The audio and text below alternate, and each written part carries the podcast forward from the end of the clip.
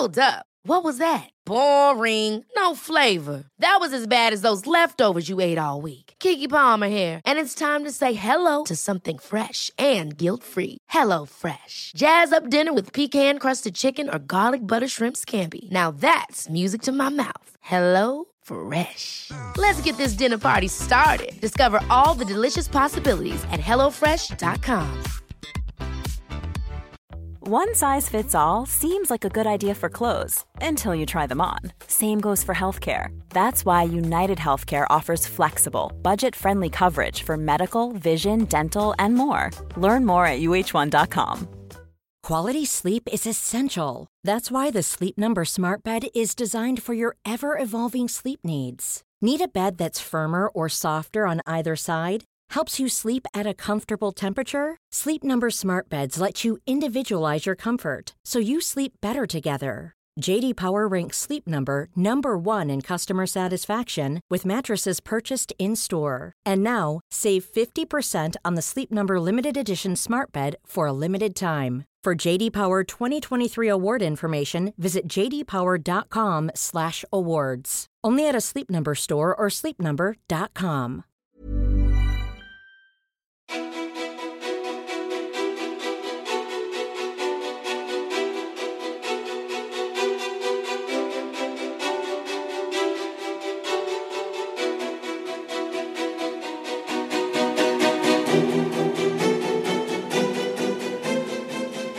Vanja Wikström är entreprenören som skapat den populära Babyloons tillsammans med sin man. Hon bloggar på Mamma och tillsammans med sin partner in crime Josefin Dahlberg gör hon podden Josefin och Vanja, skriver en bok och har varumärket Monjay Club. Vanja är färgsprakande, både till sitt sätt, sitt uttryck och ofta i sin hårfärg. Hon brinner för rätten att få föda med planerat kejsarsnitt och grundade företaget Glamam. Och innan allt det här så hade hon karriär som låtskrivare och artist. Och på det så har hon hunnit få två barn. Vanja säger att det går tokbra att kombinera jobb och bebis. Men är det alltid så enkelt? Hon hade stora drömmar med musiken, men vad hände egentligen med dem?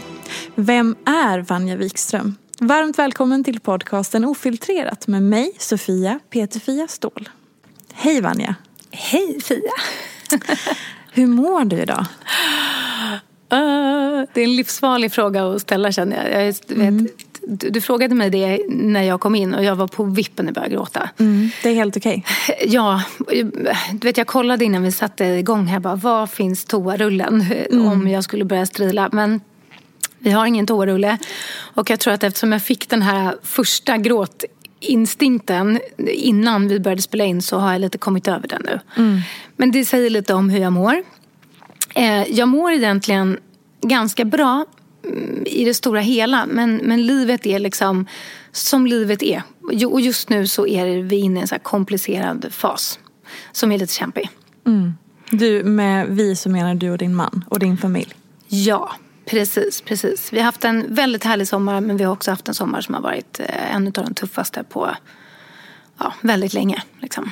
Vill du berätta någonting om varför? Ja, såklart. Ehm, min kille Niklas som jag lever tillsammans med sedan 15 år tillbaka, har två barn med och även jobbar tillsammans med.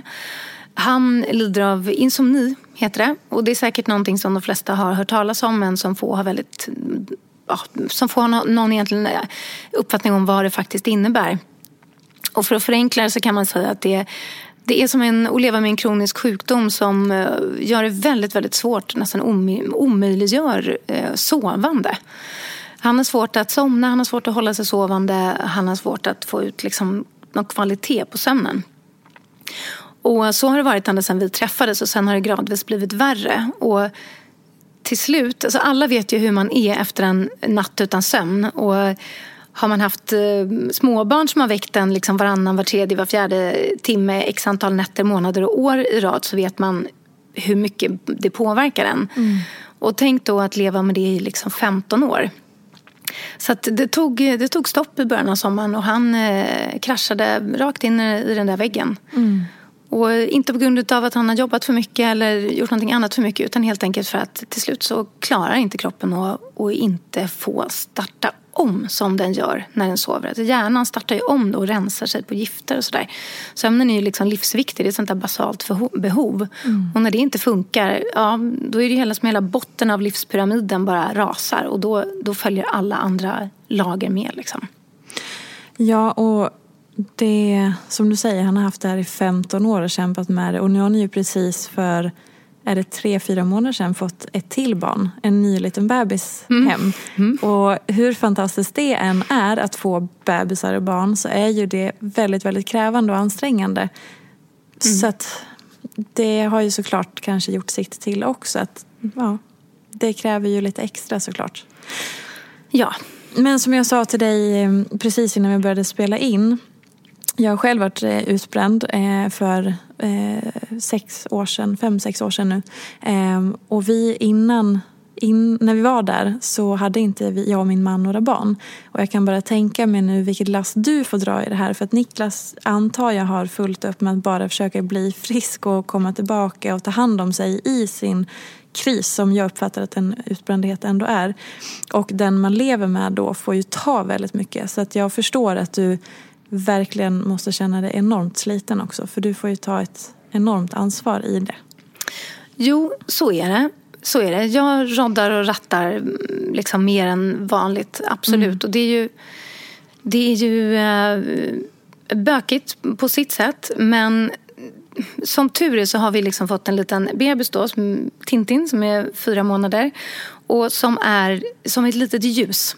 Mm. Det finns, jag vet inte det, om jag hade liksom designat den lättaste bebisen som skulle komma hem till, till vår familj så, så är det Tintan. Mm. Hon eh, skrattar konstant, är glad liksom 95 procent av tiden när hon är vaken. Hon sover som en liten gris. Eh, hon äter bra, hon pupar en gång om dagen. Alltså hon är väldigt lätt. Ja. Nu är ju hon bara fyra månader och då är ju bebisar i regel enklare än när de är liksom runt ett år sådär, och ska börja röra sig och snickersnacka och sådär. Men det har verkligen underlättat att hon är så himla enkel. Och sen måste jag säga att vi... Det är också... Det, det är också lite tudelat det här när man får alla de här hejaropen. Att så här, mm. För jag har ju delat med mig av det här i min blogg och i min och Josans podd och sådär.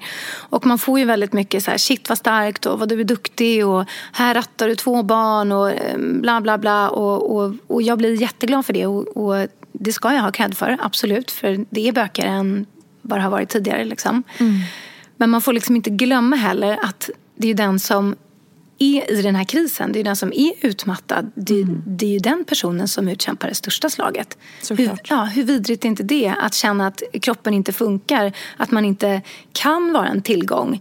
Eh, och om det är bökigt för mig att liksom, om det är bökigt för mig att ratta två barn och så vidare, hur kämpigt är det inte då för Niklas att sitta mm. där och inte kunna hjälpa till och ha jordens sämsta samvete över att han inte kan. Mm. Och det där är någonting som han har brottats jättemycket med. Och vi har snackat jättemycket om det också och jag har verkligen sagt att du måste ju se det som, alltså jag, jag vill inte att du ska pusha dig. För gör du det och brakar helt och hållet samman, då har jag ingen partner i resten av livet. Exakt. Jag vill ha dig. Mm. Eh, och jag vill att vi ska kunna liksom vara det här fantastiska teamet som vi alltid har varit, men då måste ju du bli frisk. Mm. Så att se det här som att liksom, inget dåligt samvete, du måste fokusera på det här nu under en kortare period, då blir det lite bökigare för mig. Ja, absolut. Men för att vi i längden ska kunna liksom, eh, få, få, ha honom över, mm. överhuvudtaget. Mm. Så, um, och jag måste också säga att det har, har gått liksom förvånansvärt bra. Och han mår även bättre nu än vad han mådde i början av sommaren. Så det går åt rätt håll. Och nu är det så att han eh, kan, kan, kan bidra. Han kan hjälpa till. Han kan lämna på föris och sådär. Men vi, mm. Vi liksom känner oss fram. Så vi börjar liksom med så här, hur mår du idag? Hur har natten varit? Hur känns det i huvudet? Eh, och sen så anpassar vi dagen utefter det vad han kan bidra till och med om han, om han kan det. Liksom. Mm. Och sen att vi verkligen ser till att han inte pushar sig överhuvudtaget och han går hem och tar pauser. Och det känns som att nyckeln är att han ska kunna få liksom, pauser som är helt kravlösa. Där man bara liksom kan existera utan mm. någon form av liksom prestation. För den där är ju en grej som jag tror att många brottas med. Att man, jag kan verkligen relatera till det. Att från när jag själv var sjuk så som sagt, vi hade ju inga barn så det var helt annorlunda. Men det var ändå den här känslan av att det jag behöver nu i min återhämtning är ju att bara existera, inte göra någonting, inte utsätta mig för någonting och inte pressa mig. Men det är ju, går ju emot allt man har lärt sig. Man ska vara duktig, man ska mm. hjälpa till, man ska inte tänka på sig själv, man ska inte vara egoistisk, man ska Alltså det går ju emot allt som är i en så här, ah, nej men jag ska bara, jag ska bara, jag ska bara. Nej, man mm. måste bara sluta med det. Och då tänker jag att har man också barn så är det, alltså man, han ser dig kämpa där med det där det är så lätt då att han kanske, nej men jag kan väl hjälpa dig älskling, jag kan göra det där och där. Mm. Och att då så du får inte, du måste tänka på dig själv. Det måste vara så svårt för dig både att så här, du hjälper honom att stoppa och han själv att stoppa, att inte vara där och hjälpa till. Som jag kan tänka mig att han så gärna vill på ett sätt, även om han inte klarar det. Mm. Absolut, så är det. Ehm, man, man får liksom, fan. Ja. Alltså, jag känner verkligen ja. medlidande. För att er situation är ju så jävla tuff för jag vet ingenting om den. Men fasen. Och tack för att du delar med dig. För att jag tror att det kan hjälpa många som kanske liksom inte ens vet vad, vad insomni är. Mm. Det, jag rekommenderar det inte till någon. Nej. Och, som du sa, alla vet hur man blir utan en eller ett par nätters bristande sömn. Liksom, det förstör ju en människa tillfälligt. Mm. Och att då gå så länge. Okej, men om vi lämnar det lite också, för jag kan tänka mig att du har fullt upp med det. Det är ju din, ditt liv just nu. Så om vi, så här, vi fokuserar på dig istället. Mm. Eh, och någonting som jag slås av när jag har träffat dig genom åren på olika tillställningar och pratat med dig och så här, det är att du känns som en väldigt, dels trygg person och sen att du har liksom hittat din grej verkligen. Du är så här färgsprakande, du har en cool stil, du brukar ha lite så olika nyanser i håret, ibland är lila rosa. eh, och du verkar veta dels vad du gillar, du uttrycker dig väldigt bra, du så har hjärtefrågor som du brinner för, som det här med att få föda med kejsarsnitt till exempel. Och det känns som att du har kommit långt i din personliga utveckling och vem är Vanja? Känner mm. du igen mitt intryck? Gud vad trevligt. Den här biten av podden ska jag klippa ut. Ska jag lyssna på den om och om igen när, om jag har en regnig dag. Eh, men alltså ja, jag känner igen det. Och jag får hålla med till, till mångt och mycket. Mm. Och det är ju den stora fördelen med att bli äldre. Mm. Jag är 40 bast. Jag är inte 23 liksom. Eh, jag är en helt annan person nu än, än vad jag var när, jag när jag var 23. Och det är också någonting som jag försöker vara lite noga med och, och liksom säga, berätta i bloggen och berätta i, i podden eh, och så vidare. Att eh, unga personer som kanske följer mig, som är 10 år yngre än mig, eller 15 år yngre än mig, eller 20 år yngre än mig, eller 25 mm. år yngre än mig och så, så, så ser de att jag känns sådär trygg och jag har koll på läget och jag vet vad jag tycker och jag vet vem jag är och sådär. Och så det är ingenting som jag föddes med på något sätt. Nej. Utan jag kom ju ut lika osäker och grön och otrygg som, som alla andra och sen blir man formad av omväxt, liksom uppväxt och omgivningar och relationer och, och, och, så vidare. Och sen så får man ju mejsla fram sin personlighet ur det och allt som man utsätts för och är med om. Mm. Och där tycker jag nog att jag har landat ganska gött liksom, de senaste åren. Att, ja, men jag, jag har nog ganska bra koll på vem jag är, vad jag vill, vad som är viktigt för mig eh, och så vidare. Och det är svinskönt faktiskt. Jag skulle aldrig någonsin vilja gå tillbaka till den Vanja jag var när jag var 20 eller när jag var 30. Utan, Vad är det som skiljer dig från här och nu och när du var då 10 eller 15, 20 år yngre än vad du är idag?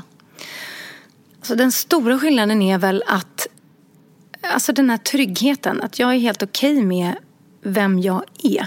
Och mm. jag tycker att jag är en bra person. Och, att, ehm, och det gör att man har någon slags grund att stå på. Att man slipper det där eh, vindflöjelsmentaliteten. Att men nu tycker person A som är lite fräsig det här, då, då, borde jag väl ställa mig där borta. Ah, jävlar, nu kom person B och också lite fräsig på ett annat sätt. Då borde jag kanske vara här borta vid B. Och, alltså den här prylen, att man inte kanske alltid, man står inte för vad man, vad man tycker och känner utan man vill bli accepterad. Och jag lider ju också av den här klassiska sjukan, the disease to please. Som mm. väldigt många med mig lider av och väldigt många kvinnor framförallt. Mm. Att vi vill så gärna vara till lags och man vill vara omtyckt och eh, hela det där paketet. Så att man liksom tillintetgör sig själv på, på vägen för att bli den där omtyckta personen.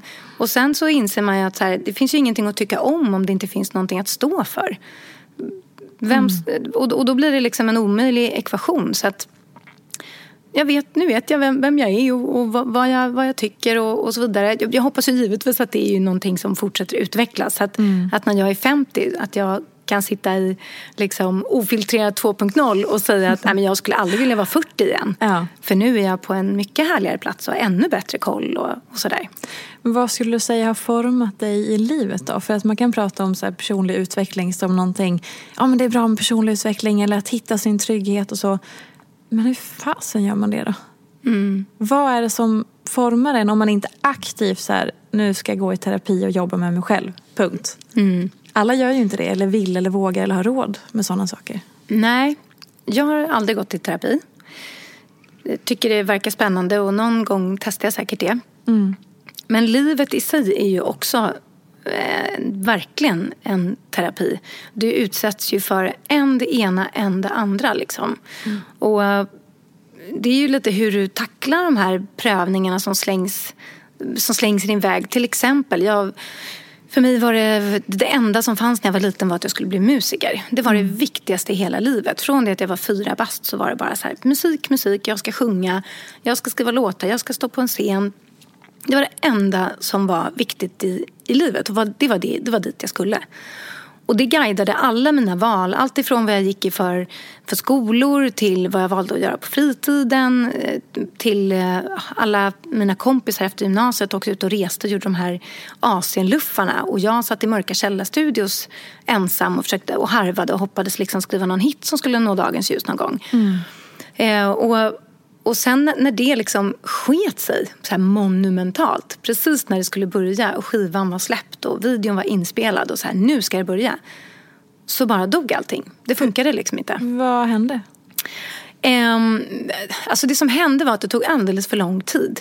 Mm. Från det att jag blev signad då, som det heter när man får skivkontrakt tills dess att skivan släpptes. Så jag tror att det tog fyra eller fem år. Oj. Och på den tiden eh, så hinner man ju dels utvecklas väldigt mycket som person och också som musiker och låtskrivare. Och, jag menar, om vi spolar fram fem år så kanske inte du skulle välja just den här tröjan som du har idag. Mm. Då kanske du tycker, nej men gud, en vitstickad tröja, nej det vill jag absolut mm. inte ha på mig. Mm. Så att, att då släppa låtar som man skrev för inte bara fyra, fem år sedan utan jag kan några av dem kanske jag hade skrivit för sju, åtta år sedan. Men som skivbolaget ville ha med därför att de tyckte att de var hits och, och det var det de hade signat mig på. Det var det som skulle släppas liksom. Och man hade också... Um, jag hade en, en, bild av hur jag ville hur, hur, att plattan skulle låta. Jag älskade så stora bombastiska Trevor Horn-produktioner med 10 000 pålägg. Och, um, ja, men tänk liksom Seal i sin prime time. Mm. Tusen mm. grejer och massa mm. saker som händer. Och sen då när den här liksom väldigt poppiga, bombastiska plattan skulle komma ut så jag tror Lykke Li släppte sin debutplatta så här, något halvår innan mig. Och då var det typ så här... Mm, tsch, mm, tsch. Det var ju liksom typ en virvel och en röst. Det var ju så här supernedplockat. Mm. Och det, då kom hela den här indie-boomen. Att indie blev liksom pop och mainstream. Det. Och det sista man ville var att ha en bombastisk liksom Britney Spears-produktion. Utan nu ville man ha mm, liksom akustiska instrument och så lite så avskalat som möjligt. Och där kommer jag med min så här åtta år gamla låtar och jättepoppiga, bombastiska popplatta. Så den funkar ju inte alls. Och jag, jag förstår det till hundra procent. Mm. Den skulle ha kommit liksom åtta år tidigare. Då hade den nog haft en bra chans tror jag. För jag tycker fortfarande att låtarna är bra. Eh, nej men så, att, så då var det ju liksom, det hände liksom ingenting. Det hände lite grejer i Frankrike. Jag hade ett franskt skivbolag och jobbade jättemycket där. Så där fick jag faktiskt mm. en radiohit om jag ska vara mm. liksom, lite schysst mot mig själv. Så. Mm och gjorde en hel del roliga grejer. Men i övriga liksom, världen och sådär så funkade det inte alls. Nej. Nej. Och vad hände med dig då? Ja, och det var ju en typisk sån här känga som livet liksom slänger åt en. Som är en, alltså, man säger, en gratis terapisession. Mm. Eller ett helt år av, flera år av terapisessioner. Nej men då, jag fick ju en jordens livskris och stängde in mig och, och grät i ett år. Mm. Varför skulle jag ens gå upp ur sängen om det jag hade drömt om sedan jag var fyra år liksom inte det hände. När allt det jag hade jobbat för konstant sedan jag var liten. Allt det bara försvann och gick upp i rök. Och, och dessutom med den, precis som när ett förhållande kraschar så försvann ju hela min identitet. Mm. Vem var jag om inte jag var den här Vanja som höll på med musik? Och jag var också någon som folk verkligen trodde skulle, så här, men hon kommer ju bli någonting. Jag var en sån där person du vet, som folk, så här, hon kommer man ju liksom höra på radio. Mm. Folk trodde det på riktigt. Och jag minns att min hatt när man tog grundenten, när man slutade nian så gick jag på Adolf Fredriks med en musikskola här i Stockholm. Och då var det fullt med, alla skulle skriva hälsningar i, i varandras hattar på den här banden som man satte runt hatten. Och det var så mycket hälsningar till mig som handlade om att folk skulle ha liksom backstagebiljetter till mina Globenkonserter mm. och såna här saker. Så det var en allmän uppfattning att så här, Vanja hon kommer bli artist. Ja. Och jag var ju tusen procent övertygad om det också. Och inte bara artist utan Madonna, nästa Madonna. Ja, ja, ja. Alltså du sikt, det var ju stora planer som du hade. Ja, men du skulle alltså, upp. Varför drömma om man inte får drömma stort? Jag tänker det. Ja, ja. Nej, men Madonna var ju så här, det var ju dit mm. jag skulle. Det var ja. ju världsturnéer och, och hela den biten. Mm. Så superhits och ja, ja, ja. Så att, nej men sen när det liksom inte funkade och den rollen kraschade. Då hade jag ju inte en sabla aning om hur skjutsingen jag var. Och det var svintufft. Um, och det som hände var att jag låg där och grät dag efter dag. Jag ville bara sova. Det är klassiskt sånt tecken på depression. Mm. Man vill bara fly från sin egen verklighet. Så att, eh, jag försökte sova så mycket som möjligt och så fort jag vaknade och kom på vad det var som hade hänt så ville jag bara fortsätta sova. Och så att jag sov och grät och sov och grät i princip. Mm. Och skämdes något enormt. Jag skämdes för alla som jag hade jobbat med. Eh, för att jag hade svikit dem. Skivbolaget trodde jättemycket på mig. De hade satsat enorma pengar. Mm. Eh, min A&R, alltså han som hade signat mig, fick sparken. Alltså, du vet, jag kände mig så ansvarig för, för så många människors besvikelse. Och jag skämdes inför min familj, jag skämdes inför mina vänner. Och när man också är en sån där som folk tror ska fixa en viss grej och man även tror det själv så jag har ju varit öppen med att det här vill jag bli och, och det här vill jag göra. Då får man också alltid den där frågan, hur går det med musiken? Hur går ja. det? Och så alltid hade man någonting kul att berätta. Och helt plötsligt så var jag tvungen att stå där och säga att det går inte. Och det gjorde att jag blev folkskygg och jag ville, jag ville inte träffa någon. Liksom. Jag, så jag isolerade mig och satt hemma och skämdes och grät och mådde piss. Liksom. Men sen efter något år. Eh, det var alltså något år? Det var inte bara ett år eller några månader utan det var flera år som det här pågick då? Alltså det var, det var typ ett år skulle jag säga mm. där jag mådde riktigt illa mm. och där jag var jättevilsen. Och sen så blev det, så, så, så sakta men säkert så eh, jag jobbade extra i en, en butik som sålde gravidkläder för jag kände att här, jag måste bara ha något jobb där jag kan stänga dörren och slippa tänka på det eh, när jag liksom har lämnat det. Så jag sökte jobb i den här butiken och fick insyn i en marknad som jag liksom inte hade någon koll på. För jag hade aldrig varit intresserad av barn själv. Jag tänkte att jag är nog en sån som inte kommer få barn. Sådär. Mm. Eh, och så såg jag att det fanns ett jättestort glapp. Det fanns inga roliga kläder för gravida. Det fanns framför allt inga fräsiga amningsbehåar. Det var tantmodeller som var liksom fruktansvärda. Som stackars kvinnor skulle betala 500 spänn för. Och jag stod och hjälpte så många kvinnor i de här omklädningsrummen som Alltså de grät. Jag hade många kunder som grät. De var så mm. ledsna för de, de mådde dåligt, de var hormonella, de var otrygga i den här nya kroppen de hade fått oavsett om de var gravida eller precis hade fått barn. Eller, och, och då kränga på sig någon tant-bh för 500 spänn som du måste ha varje dag. Alltså det var, det var liksom kvinnoplågeri. Mm. Så då såg jag lite någon slags eh, möjlighet där. Jag har alltid varit väldigt möjlighetsinriktad. Och då tänkte jag att det här måste ju kunna gå att göra bättre än vad den här butiken som jag jobbar i faktiskt gör. Eh, och jag föreslog även för den här butiken att vi kanske ska försöka titta på lite roligare modeller och sådär. Men, ja, men de var inte riktigt öppna för det. Nej. Och då eh, blev det istället så att jag och en annan tjej från den här butiken, vi, eh, vi satt en dag på Nytorget och upptäckte att vi hade fått sparken för att den här butiken hade gått i konkurs. Så jag hade blivit av med jobben. Utan att veta det? Nej, utan det var ju, vi misstänkte ju ja. det. Men sen helt plötsligt så kom ju då det här beskedet att tyvärr nu kommer vi stänga, vi mm. har en vecka kvar. Eh, vi måste sälja ut allting. Oh. Dit, dit, dit. Ja. Eh, och då så satt vi på det där kaféet och då så sa jag så här, men fan Malin, ska inte vi göra det här själva? Vi testar. Vi gör det vi tror på, det som vi känner att kunderna vill ha. Mm.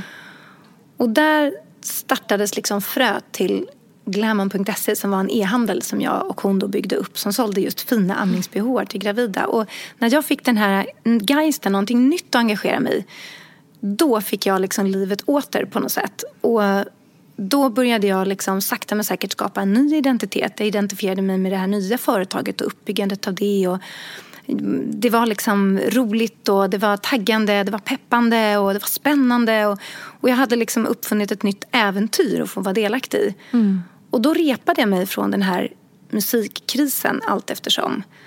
Och har man väl varit med om en sån vändning i livet att det man önskar allra, allra, allra högst, det skiter sig. Men man fixar det ändå och man kan hitta lyckan i någonting annat. Då vet man det. Och jag kommer ha det med mig resten av livet. Så att när fler grejer skiter sig, för det kommer de göra och det har de redan gjort. Så vet jag att men det är inte panik, jag fixar det. Mm. Då får man liksom hitta någonting annat. Det är som första gången man får hjärtat krossat. Det är inte förrän man kan älska någon igen på riktigt som man fattar att det finns flera människor i den här världen man kan leva med. Det är inte bara den där ena personen. Och det är inte bara en sak du kan göra med ditt liv. Du kan göra tusen grejer. Gud vad fint. Och jäkligt viktigt. För jag tror att det är så lätt att man när man går igenom saker så man så mitt uppe i det. Även om det är det gigantiska som sin barndomsdröm som också var så nära för dig. Du hade den ju. Mm. Och sen blev det inte så. Till att man, ja men vet, man skiljer sig eller man ändrar riktning eller man känner att man vantrivs med sitt liv. Men ska jag våga ta det steget och typ säga upp allting och göra någonting helt radikalt annorlunda. Man måste ju komma ihåg, precis som du säger, att man kan ju ändra livet. Det kan mm. ta en annan riktning, man klarar det. Och det är sådana puckar som gör att man liksom får byggstenar till den här personen som mm. man blir. Och som då förhoppningsvis gör en liksom tryggare med åren. Så att, det var där vi började. Ja, precis. För att liksom binda ihop den här ja. enormt långa utläggningen. Mm. Så, så därför är det av eh, godo att eh, bli äldre. För mm. att du får fler och fler byggstenar till din, till din personlighet. En annan grej som jag kan eh, uppleva idag apropå det är att så här, jag tycker att det pågår någon, någon hets eller någon trend i samhället om att allting måste ske när man är så ung. Som att man tror att livet är mellan 20 och 30. Sen är mm. livet över. Innan man har fyllt 30 då ska man ha hunnit med allt. Alltså verkligen, du ska ha sett världen, du ska ha startat företag, du ska ha omsatt dina första miljoner.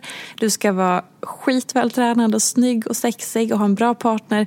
Och nu för tiden också gärna en liten bebis på höften. Det har ju blivit den senaste mm. accessoaren nästan. Och en liten gullig hund. Och ja men du vet, allting. Man ska mm. alltid sikta till innan 30 av någon anledning. Mm.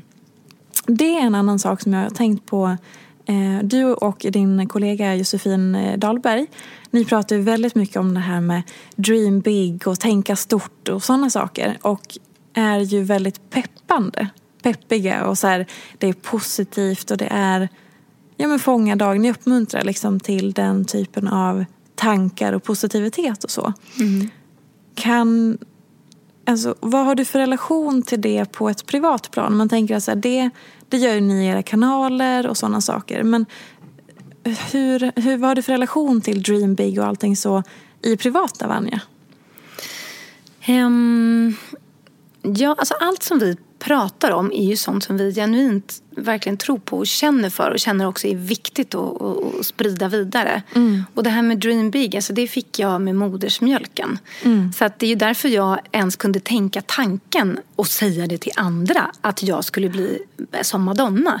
Och det var ju liksom för att när jag var, var liten, när jag var fyra år och stod och sjöng på min mormors köksgolv, någon egen skriven eh, låt eh, med liksom mamma och mormor som publik och, och jag liksom förklarade att jag ska bli artist som Madonna så var ju hennes självklara svar absolut. Eh, vi kanske ska titta på om det finns någon dansskola då som du kan börja i. För då kan det vara bra att kunna dansa lite grann. Mm. Det var liksom mammas svar på, på min, min ja, på, på, mitt liksom kaxiga påstående. Och då känner man ju så här, ja det är nog bra, absolut, det är väl en pusselbit på vägen till att bli Madonna då. eh, istället för att tyvärr som jag tror många, mångas erfarenhet är att så här, ja, ja, ja, ja, ja, vad gullig hon är. Mm.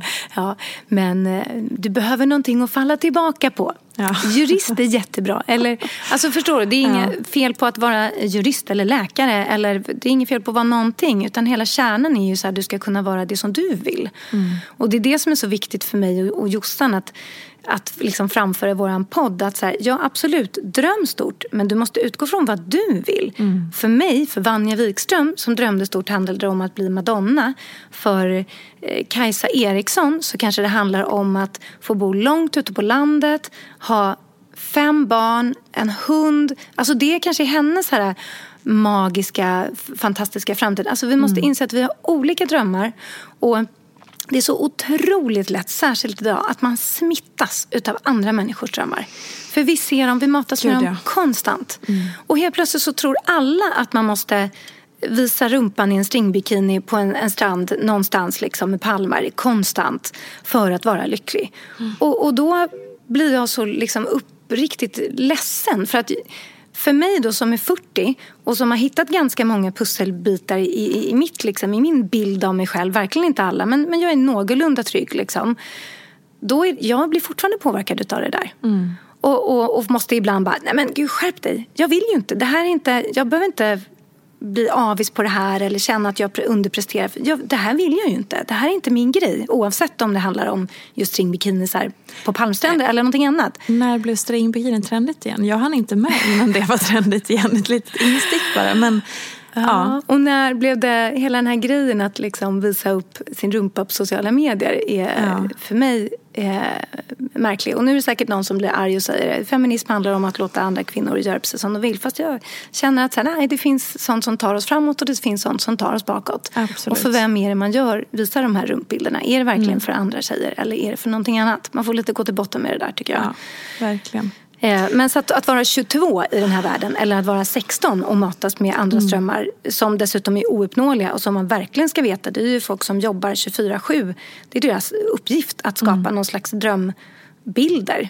Det är ju, man hade liksom aldrig... Om, alltså man hade ju aldrig på, på min tid när jag läste tidningen Okej eller sådär. Om, om den var, den var ju också såklart fullmatad med liksom rockstjärnor som levde fräsiga liv och, och sådär. Men, men det gav inte mig ångest på något sätt. Utan det som är skillnaden här är ju att inom stora citationstecken, det är vanliga människor som gör det här. Gör ju att alla tror att det är så man måste och ska och bör leva. Och det är ju problematiskt. Ja, för det är också precis som du säger. Så här, min spontana eh, tanke när jag hör, nu tar jag bara Dream Big som ett exempel. Eh, det är lite samma som jag får så med eh, världen är din lekplats. Att det är så man ska tänka. Som många gör, så entreprenörer startar företag och så. Och då blir det att jag så tänker dream big, att jag måste gå i något karriärsspår som är att jag ska tjäna mycket pengar, omsätta massa i mitt företag, jag ska göra de här stora kampanjerna, uppdragen och som väldigt prestationsinriktat. Därför är det så viktigt som ni säger då att så här, dream big är ju inte tänka stort som i världen är din lek, lekplats bara, utan det kan ju även vara det som är ens egen dröm. Men jag tror att det är lätt att man fastnar i det som du säger. Man börjar jämföra sig. Åh, men nu så drömmer eh, Blondinbella om det här och hon på Instagram det här och den personen om det här. Och så kanske man följer samma personer som har lite liknande drömmar och helt plötsligt sitter man själv och strävar efter det. Trots att man egentligen inte är intresserad. Men att man blir liksom lite dränkt i andra människor hela tiden. Vi är ju liksom aldrig någonsin riktigt själva. Och om man dessutom inte eh, är i tystnad eller bara för sig själv ibland då får man inte en chans att känna efter eller reflektera. Men vänta nu, vem är jag ens? Vad vill jag? Vad tycker jag om? Vad är det här? Vad pågår inom mig? Det är ju så lätt att man är då... Ja, men man blir den man tror att man ska vara och tycka det man ja, tror att man ska tycka. Och då har du inte en chans att bli lycklig. Det är det Nej. som är så sorgligt. För att kunna bli lycklig så måste du ju du måste utgå från dig själv och det som gör dig glad. Det du tycker om, det du mår bra av. Det kan vara att jobba mycket och bygga företag. Absolut. Det kan vara att jobba lite och, och fokusera på familj, vänner, fritid, resor. Det kan vara det ena i fyra år och sen det andra i två år. Det, det här får vi inte heller glömma att vi skapar våra liv. Vi har faktiskt makten att förändra dem också. Och det, om jag är på ett visst sätt idag så jag måste inte alls vara likadan imorgon. Mm. Och den enda som sätter de reglerna för, för mig det är faktiskt jag själv. Och sen är det kämpigt att gå emot folks uppfattning kring en och, och så vidare, absolut. Men, men det finns ju ingen bättre människa att anstränga sig för än sig själv. Att, att försöka se till att man får ett så lyckligt liv som möjligt och gör det man vill. För det är först då man kan bli lycklig och det är först då också man kan sprida energi till andra. Och mm. Det blir liksom en, en, en, positiv eh, dominorörelse som väldigt lätt blir negativ om man fastnar i någon annans dröm och någon annans bild av vad liksom, att vara lyckad mm. Eh, är. Many of us have those stubborn pounds that seem impossible to lose no matter how good we eat or how hard we work out. My solution is plush care. PlushCare is a leading telehealth provider with doctors who are there for you day and night to partner with you in your weight loss journey. They can prescribe FDA-approved weight loss medications like Wagovi and Zepbound for those who qualify. Plus, they accept most insurance plans. To get started, visit plushcare.com slash weight loss. That's plushcare.com slash weight loss. Planning for your next trip? Elevate your travel style with Quince. Quince has all the jet-setting essentials you'll want for your next getaway, like European linen premium luggage options, buttery soft Italian leather bags, and so much more. And is all priced at 50 to 80% less than similar brands. Plus, Quince only works with factories that use safe and ethical manufacturing practices.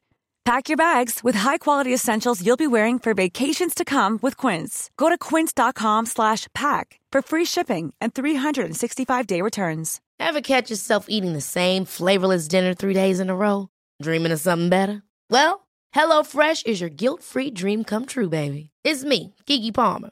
Let's wake up those taste buds with hot, juicy pecan-crusted chicken or garlic butter shrimp scampi. Mm.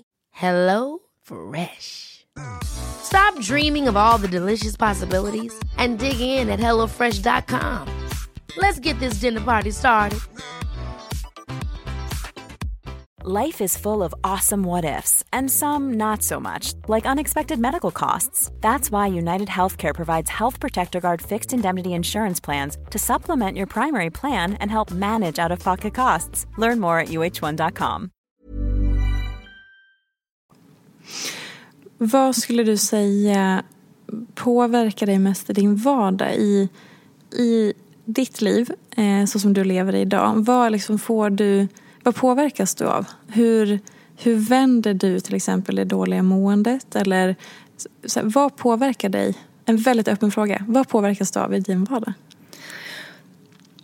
Positivt ja, och negativt ja. ska vi säga. Jag måste nog svara att min, min absolut största liksom, positiva influens och stöttepelare det är ju Niklas. Mm. Det är, han är min partner in life, verkligen. Eh, det är honom jag bollar alla liksom, idéer på. Det är, hon, det är han som stöttar när jag är svag. Det är han som peppar när jag är låg. Vi har ett fantastiskt alltså partnerskap på alla plan. Och, um, så att han är verkligen han är min stora liksom, stöttepelare och också den som jag tycker är sjukt spännande att snacka med. Och, och, och sådär. Så att, eh, jag får nog svara Niklas där. Mm. Mm. Eh, du har ju berättat lite grann om att när ni fick ert första barn eh, så var det nära att knäcka er relation. Mm. Jag själv fick ju mitt första barn för tio månader sedan och har också upplevt att relationen förändras ju väldigt mycket. Det behöver ju inte automatiskt vara till det sämre men den blir ju helt klart annorlunda för att det kommer in en annan person som tar all energi och fokus och kraft. Och vilket den också måste ju göra i början för att man måste ta, ta hand om den så mycket. Men man måste komma ihåg sin relation. Mm. Så här, hur, hur påverkade det er? Vi börjar där, sen har jag någon annan fråga också. Mm. ja, nej men jag tror inte att det går att gå opåverkad från liksom barnalstrande i en kärleksrelation. Och eh, nej, vi, höll ju, vi höll ju på verkligen att knäckas, alltså vår parrelation. Mm. Och det var mycket därför att vi gjorde klassiska, tror jag, misstag som förstagångsföräldrar. Vilket var att man tittar väldigt mycket, återigen det här att man smittas av andras uppfattningar av hur saker och ting ska vara. Man är så liksom rädd att på något sätt göra fel. Mm. Att man tittar på, eh, men så här gör ju andra, vi borde också göra så här. Eh, alla barn verkar sova klockan halv åtta, åtta. Eh, okej, okay, men då ska väl vårt barn också sova halv åtta, åtta. Och sen försökte vi i liksom flera månader mer eller mindre tvinga vårt barn att sova halv åtta, åtta. Mm. Och det var liksom timslånga läggningar och det skreks och det gräts och vi vaggade och vi läste sagor, vi sjöng. Och det var en sån ångest att behöva vara den. Man, vi, vi körde varannan kväll. Mm. Och att veta att så här, åh nej, imorgon, ikväll är det min läggning. Ja, det var så hemskt. Mm. Därför att det var en utdragen ångestprocess för alla inblandade. Tills vi bara kom, liksom kände att vad, vad håller vi på med? Han är ju inte trött.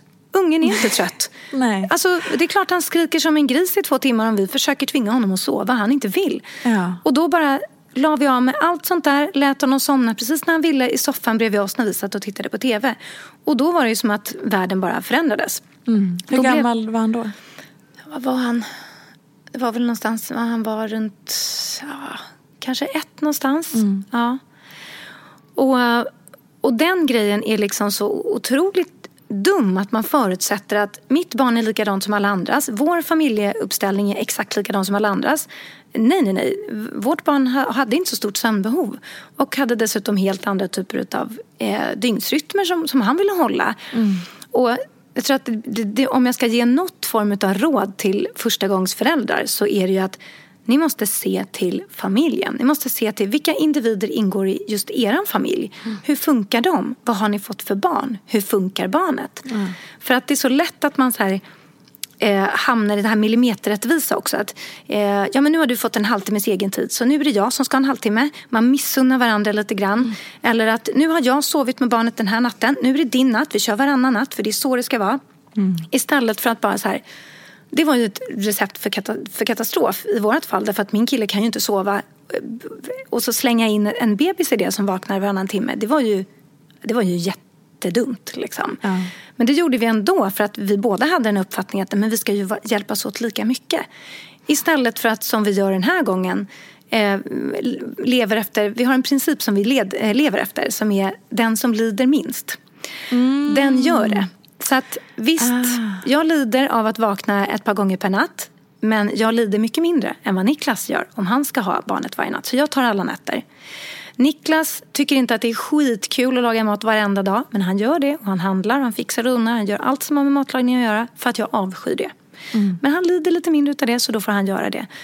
Och om man liksom lite delar upp det efter den principen och verkligen ser till individernas behov och möjligheter att bidra och, och, och rattar fram livet ut efter det, då blir det jättebra. Jättemycket bättre åtminstone om man slipper de här liksom superpuckade hindren. Den som lider minst. Mm. Jag gillar det. Också för att det inte var så här Åh, den som tycker roligast eller peppiga. Alltså, så här, nej, den som lider minst av den här vardagsgrejen, den gör det. Ja. ja. Mm. Hur, men så här, vad var det som gjorde, alltså ni var nästan då på väg att krascha. Hade ni ett snack som var så här, nej men nu vill vi nästan gå ifrån varandra för att det här har blivit så fel? Eller hur, hur liksom tog ni er ur den knuten och vad, vad hände där? Alltså det var när jag fattade hur dåligt Niklas mådde mm. som vi fick en vändning. För att han är väldigt omhändertagande i sin natur. Eh, så pass Det är en av de sakerna jag älskar hos honom. Att han är väldigt, väldigt fin, bryr sig om andra och, och, och liksom anstränger sig för att andra ska ha det bra. Men han kan göra det så pass mycket att han nästan tillintet gör sig själv. Och eftersom han har den läggningen så, så det tog emot så enormt mycket och det tog så lång tid innan han berättade för mig hur dåligt han mådde av att till exempel kunna sova ännu mindre. Mm. Eh, och eh, dessutom så var det, det var kämpigare för honom att få barn än, än, för mig därför att det var en kämpigare omställning för att han har alltid eh, han är surfnörd, han älskar att surfa och han är en riktig festprisse. Han är den som ordnar festivaler och eh, märkliga fester där folk klär ut sig. Och, men han är liksom här, mm. en, en eh, festfixare. Och så helt plötsligt har vi ett litet barn och eh, det är svårt med fester. Dels på grund av tid men också för att eh, han blir väldigt bakfull för att kroppen är så sliten av det här eh, inte sovandet. Så att mm. det, det, blir liksom svårt att eh, festa åtminstone om man ska ta ett glas vin. Det är liksom otänkbart. Och det är svårt att få tiden. Eh, det, är, det blir ännu kämpigare om man har sovit ännu mindre och man har det här barnet att, ta hand om. Man kan ju inte bara säga, ja idag tänker jag vara bakis och ligga hemma och kolla på serier. Så att nu kan väl du lilla tio månaders eh, bebis bara ligga här och gull, gulligt jollra mm. den här mm. dagen. Det skulle vara fint tycker jag. Så funkar det ju inte. Eh, och det är också kämpigt att lägga det på partnern hela tiden. Och, och han kunde heller inte liksom åka på de här surfresorna som han åkte på hela tiden. Och, och så så det var en större omställning för honom att få barn. Och mycket av de saker som gjorde honom väldigt lycklig och glad kunde han inte längre göra. I alla fall inte i samma utsträckning. Mm. Medan för mig då, som är som absolut lyckligast helt ensam hemma i soffan med en påse saltlakrits på magen och min dator inom liksom armlängds avstånd. Då är, då är jag happy clappy. Det, det är det som krävs. Så att jag kan ju fortfarande ha allt det där men, fortfarande, men att ha ett barn som ja, visst, liksom stör lite då och då eller vad man ska säga. Men jag kan fortfarande njuta av det. Medan det var mycket som liksom inte funkade längre för, för Niklas glädjeämnen och det gjorde det också tuffare. Mm. Eh, och när man... Alltså det vet vi ju egentligen men alltså kärnan till alla typer utav konflikter är ju kommunikation eller bristen på kommunikation. Ja. Och när han då inte berättade för mig hur dåligt han mådde då fortsatte jag att ställa de här kraven på honom. Det är klart du ska ta barnet varannan natt. Det är klart du ska göra det här, klart du ska göra det här. Eh, och, och, då mådde han sämre och sämre och sämre och, och gled in i en depression. Mm. Men när han till slut talade om för mig hur illa det var ställt då förstod ju jag. Och, och, och, då kunde man ju ratta om livet och då kunde man ju lite mer anpassa det efter de de personer som vi faktiskt var. Och då började vi göra liksom, hitta på ett liv som passade oss. Att, eh, ja men till exempel, vi ville ha varsin ensam vecka på sommaren. Vissa är ju sådär att de säger att det var så jobbigt att vara ifrån min bebis i två timmar. Det var hjärtekrossande. Och, mm. och så är vissa. Medan jag som har ett stort behov av att vara ensam och Niklas har ett stort behov av att umgås med vänner, surfa och festa. Men då såg vi till att så här, Niklas får åka iväg och ha en surfresa med sina vänner. Och jag får ha en hel vecka ensam i vår lägenhet på Söder. Eh, där jag fick liksom njuta på mitt sätt. Och så började vi sakta men säkert anpassa vår vardag. Så här, jag tog alla nätter, han lagade all maten. Du vet, man hittar liksom, ja men det här funkar för mig och göra det här funkar för dig. Och då hittade vi tillbaka dels till livet men även till varandra. Gud vad befriande på något sätt att inte ha det här man måste dela lika exakt på varje pryl som ni först gjorde. Varannan natt, varannan natt, varannan natt. Utan att ja, men om du tar den där grejen som du gillar lite, eller lider lite mindre av mm. så tar jag den här grejen för det är helt okej okay för mig. Och precis som du pratade om, så här, då utformar man ju sin egen grej. Fasen vad tankeväckande, tänker jag. För just när man får barn så är det ju väldigt mycket som är stöpt i en form. Så här ska man göra. Mm. Bara det att jag och min man nu har delat upp föräldraledigheten nu under hösten. Så att jag jobbar måndag, fredagar och han de andra dagarna. Gör ju att alltså jag känner att jag är som en ny människa. Mm. Också kanske för att jag precis slutat amma. Men just så här, man kan ju dela upp föräldraledigheten. Man kan ta olika dagar. Man kan dela upp sin vecka. Man kan men det, man kan göra så många olika saker. Man fastnar lätt i fyrkanter eller ramar som redan är satta. Okej, du ska få en bebis eller du ska få ett nytt jobb eller du ska flytta till en ny stad. Så här ska man göra, punkt slut. Mm. Jaha, det var ju, funkade inte för oss. Ja, befriande, kul. Ja, vad bra. Det är ja. återigen det där att återgå till sig själv och vad, vad, gör, vad gör mig lycklig? Vad, mm. vad funkar för mig? Vad funkar för oss? Blicka um, inåt istället för utåt som man skulle kunna säga. Exakt. Mm. Um, att jobba med sociala medier. Mm. Gillar du det? Jag älskar det. Du gör det? Mm. På, på här, varför det? Eh, jag tycker att det är magiskt roligt. Mycket därför att det är en, och det är enormt viktigt för mig. Så jobbar ju inte alla, men för att det är en tvåvägskommunikation. Mm. It's a two-way street, som Dr. Phil skulle säga. Eh, det, jag får ut minst lika mycket av de som följer mig som de får ut av mig. Eh, och det är, det är helt magiskt att kunna ha det här liksom virtuella tjejgänget. För det är flest tjejer. Det finns väl någon snubbe där som är och trillar omkring. Men, men det är ju tjejer framförallt. Som jag kan fråga om, om om allt Liksom. Och som, eh, eh, som har grymma erfarenheter. Alltså just under den här utmattningskrisen som vi har haft i somras. Och som vi fortfarande är mitt uppe i. Vi har fått så otroligt mycket genuint bra råd. Och bara det här att man får höra, ta del av andra stories och höra mm. att andra tagit sig igenom det. Igenkänningsprylen is the shit. Alltså, det går ju, det går ju åt, liksom, åt båda hållen. Att, att jag skriver om saker som folk känner igen sig i och kommenterar vilt kring för att de tycker att det är så härligt. Att så, Åh, så känner jag med. Så känner ju jag också när jag läser kommentarer som skriver mm. om det som jag går igenom. Mm. Så att jag tycker att det är, det är ju som att liksom ha ett interaktivt cyberhäng konstant som ger mig jättemycket. Är det någon gång du har känt att nu vill jag bara lägga ner det här? Ja. När då? Um, kl väldigt klassiskt, när jag var gravid. Mm. Det är väl lite baksidan, tycker jag. Att när, för, för jag måste säga att jag har jättebra, väldigt bra stämning i mina kommentarsfält. Det är verkligen det kan absolut framföras kritik mot mig men det görs i 99 fall av 100 respektfullt och med liksom hänsyn och nyanserat. Inte bara du är en skithög, punkt. Mm. Nu, tack för mig. Den där grejen. Ehm, men när jag blev på smällen för andra gången. Det, det, finns ju ett, då blev det lite problematiskt några gånger. För det, det känns som att det finns ett så här ambulerande mammagäng, den så kallade mammamaffian. Som liksom, de, de hänger runt på de bloggare, de profiler som är på smällen för tillfället och så tycker de och tänker hela tiden och dömer.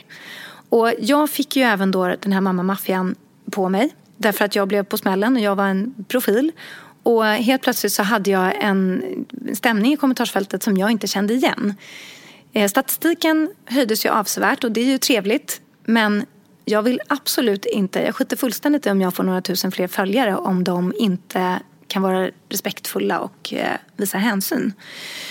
Eh, och, det, och det hände några gånger och, och, då tyckte jag att det var, blev liksom bisarrt sådär.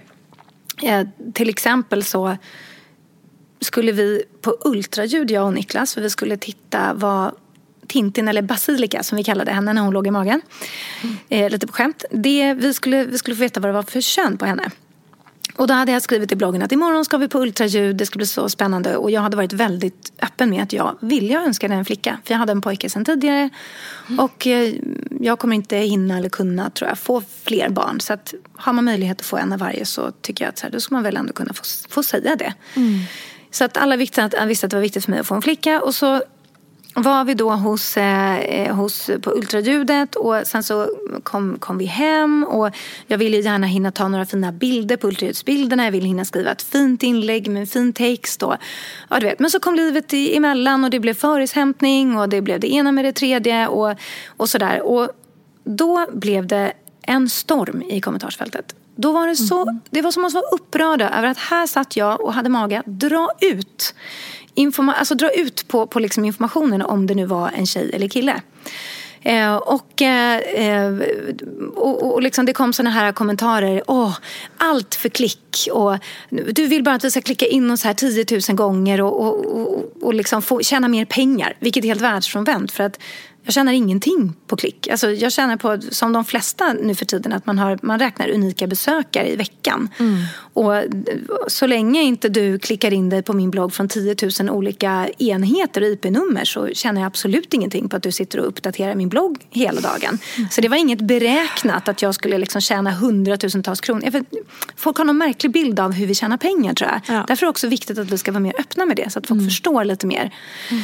Eh, men Nej, men så då var det folk som var jättearga och tyckte att jag redan i magen utnyttjar mitt barn för att jag ska tjäna pengar och så vidare. Oj, de drog det så långt? Ja, ja, ja. Nej, de blev vansinniga. Och sen så blev det också väldigt jobbigt för att jag hade då, fick ihop det här inlägget och sen så, så tidsinställde jag det.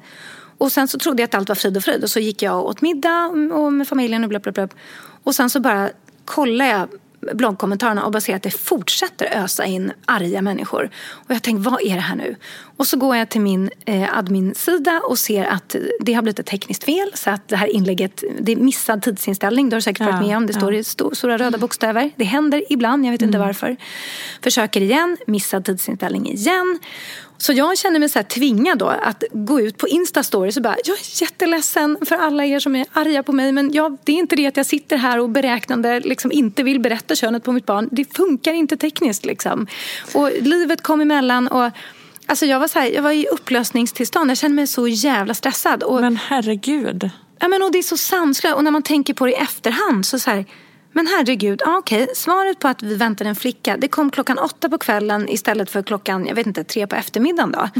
och de här fem timmarna gjorde folk så arga på mig och de tyckte att de liksom jag förstörde deras, deras dag, deras tillvaro genom att undanhålla den här informationen som jag för det första inte har någon skyldighet överhuvudtaget att dela med mig av. Eh, det, alltså det blev så bisarrt och märkligt och då kände jag bara så här, nej, om jag ska få den här typen av följare nu, då lägger vi ner. För då är det inte värt det att sitta och få magsår för att liksom, jag råkade säga lite för sent och för vissas tycke mm. vad vi mm. skulle få för, för bebis. Nej, det går jag liksom inte med på. Det är faktiskt inte klokt på Nej. något sätt. Nej. Ja. Det, det, finns, det finns några sådana exempel och då, då är det ju inte kul. Men då får man komma ihåg att det, för, för mig i alla fall så händer det väldigt sällan. Mm. Och är, jag rör mig inte alltså, man har ju olika sätt att dra trafik till sina kanaler. Det är mm. ju mitt jobb så att givetvis vill jag ju att folk, så många som möjligt, ska läsa det jag producerar och ta del av det som jag skapar. Men inte till vilket pris som helst. Man kan ju då köra med det här provokationsspåret. Att man, eh, som Isabella Löwengrip berättar att hon gör, att hon har sin, sin rytm. Liksom, där hon, mm. i, idag så, så provocerar jag lite för att liksom få igång kommentarsfältet. Och man mm. märker väldigt tydligt när hon gör det. Ja. Liksom, eh, men, men hon får ju också då väldigt mycket, hon får mycket kommentarer, hon får mycket klick och får mycket läsning. Men hon får ju också mycket ilska och, och, och negativitet. Och den grejen är liksom inte värde för mig. Eh, så att jag, jag skulle aldrig klara den strategin. Så att min strategi är istället, ja då har jag färre. Men, men eh, som har liksom byggts upp organiskt och som tycker att det är på riktigt intressant att ta del av det jag delar med mig av och som, som jag också kan ha en givande liksom, kommunikation med åt mitt håll. Mm. Avslutningsvis, vad tycker du att man ska tänka på som betraktare eller följare av sociala medier eller konton. Vad behöver man ha med sig för att inte dras in i och gå på allting om man ska säga så? Det man måste komma ihåg är ju att det här är, att det är människor som jobbar med det här. De spenderar hela dagarna åt att ta den perfekta pastabilden i Venedig. Liksom. Mm. Det är inte ett ögonblicks moment där man bara råkade se sådär perfekt ut. Och det är också väldigt viktigt att dela med sig av tycker jag när man jobbar som influencer. Jag försöker alltid liksom, om jag slänger in fem fräsiga outfitbilder på mig i ett outfitinlägg så försöker jag ganska ofta ha med en bild, du vet den där som man inte, som man valde bort egentligen. Ja. För att folk ska förstå att så här, man väljer ju där, de där man tycker att man är snidigast liksom. Eller lägger jag upp inredningsinlägg om mitt hem så kan jag också lägga upp en kaosbild. Att så här, ja, fast så här ser det ut när vi har härjat runt ett tag här hemma. Så att man, jag vill inte bidra till, jag vill inspirera. För jag tycker själv att det är härligt att ta del av liksom, härligt innehåll. Men jag vill också känna att det är på en liksom mänsklig och relaterbar nivå. Mm. Men sen så eh, är det ju superviktigt tror jag, rensa flödena. Alltså när man sitter och scrollar på Instagram, man känner instinktivt i magen, oh det där tyckte jag, det var lite jobbigt att se av någon anledning. Att man jämför sig på något sätt som inte känns bra. Mm. Avfölj, avfölj, avfölj, avfölj. Rensa mm. på en gång. Mm. Och sen så tycker jag också att nu har det blivit så himla Instagram-riktat och man får inte glömma att olika plattformar har olika, eh, har olika liksom syften. Och vi som jobbar med det här fyller ju våra plattformar på olika sätt. För att skulle vi ha samma innehåll på alla plattformar då skulle vi inte ha människor som följer oss på både Instagram, Youtube, blogg, podd och så vidare. Utan då räcker det ju att följa med på Instagram om man ska, jag skulle publicera exakt samma innehåll i mina andra kanaler. Exakt. Och då blir det ju så att men på Instagram där vill folk ha lite mer lättsmält härlig inspiration. Ja men då kör vi det där. På bloggen då får man höra vad jag tycker och tänker. Lite mer liksom resonemang där jag är ärlig på ett mer djupt sätt och, och har också möjlighet att lägga ut texten lite mer. På Youtube, oj, ja, där är det ju så mycket diskbänksrealism som, som det går. Där är det liksom osminkat, håret på ända, kaos, lego eh, vid fötterna eh, och så vidare. Och i podden pratar vi om andra saker. Så att man måste också förstå det att olika plattformar har olika syften. Och vill man ha ett syfte som är lite mera verklighetsförankrat, då är inte Instagram den främsta plattformen. Då ska man kolla Youtube eller läsa en blogg till exempel. Jättebra. Tack så jättemycket Vanja för att du ville komma hit. Trots att vi har fått avboka några gånger på grund av olika sjukdomar, eh, magsjukor och liknande och trots er situation. Jag tänker att du har fullspäckat schema som där. Så tack så jättemycket för att du ville komma hit. Eh, du finns ju på Mamma där du bloggar, Vanja Wikström. Mm. Eh, och du har ju podden Josefin och Vanja. Mm. Och sen har du Babyloons, den här appen för småbarn. Ja, det är vår barnkanal som jag och, och Niklas har tillsammans. Den finns hittas på Youtube. Exakt, och sen har du din Youtube-kanal och Instagram också, Vanja Wikström, överallt. Det är en rackars massa grejer överallt. Det är ja. bara att googla. Ja. Tack så jättemycket för att du kom hit. Tack Frida. Det var jättemysigt att prata med dig. Måste jag, jag mår faktiskt bättre än vad jag gjorde när jag kom, kom in. Vad glad jag blir. ja, vi struntar mycket. i toarullen helt och hållet. Jättebra. Hej då! Hej då! Mig gärna i sociala medier. Jag heter Peterfia på Instagram och bloggar på peterfia.se. Vill du komma i kontakt med mig så gör du det på info.peterfia.se. Jag vill rikta ett stort tack till Acast för studio och stöttning och ett stort, stort tack till geniet Elin Sjödén som klipper den här podcasten.